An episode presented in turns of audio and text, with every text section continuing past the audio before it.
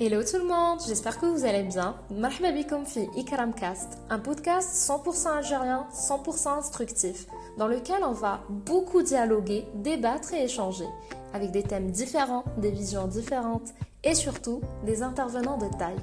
Restez branchés. Cette fois-ci, j'ai choisi comme thématique l'entrepreneuriat féminin.